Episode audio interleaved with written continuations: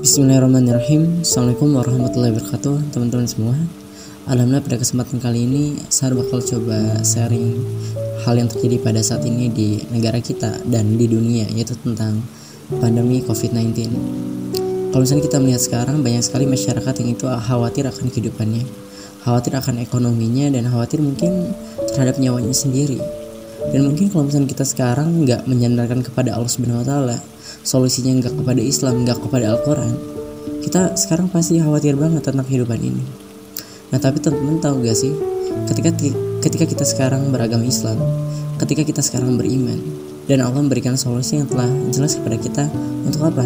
Untuk bersabar.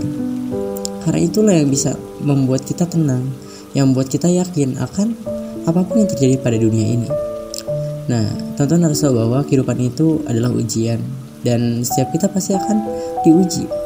Karena dengan ujian itulah kita bisa naik level dengan ujian itulah kita bisa masuk surganya Allah Subhanahu Wa Taala dan yang paling tertinggi mendapatkan ridhonya Allah Subhanahu Wa Taala.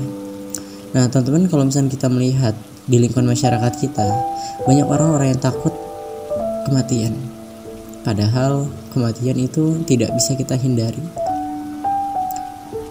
kullu nafsin da ikatul maut Siap yang bernyawa, siap yang bernafas, itu pasti mati. Tapi kenapa sih sampai hari ini kalau misalnya kita tahu kan kehidupan ini kita nggak tahu kapan akan berakhir. Kita nggak tahu kapan mati. Tapi kenapa kita masih lalai? Kita masih melanggar aturan Allah taala. Kita masih banyak melakukan kemaksiatan. Kita sebenarnya kurang ajar banget. Kenapa? Karena Allah memberikan kenikmatan yang banyak banget kepada kita. Kenikmatan melihat, kenikmatan mendengar, kenikmatan kita bisa berjalan seperti biasa.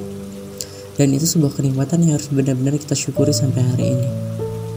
Nah, tapi mungkin pada saat ini mungkin ada beberapa orang yang sulit untuk dia berhijrah, sulit untuk dia, sulit untuk dia berubah.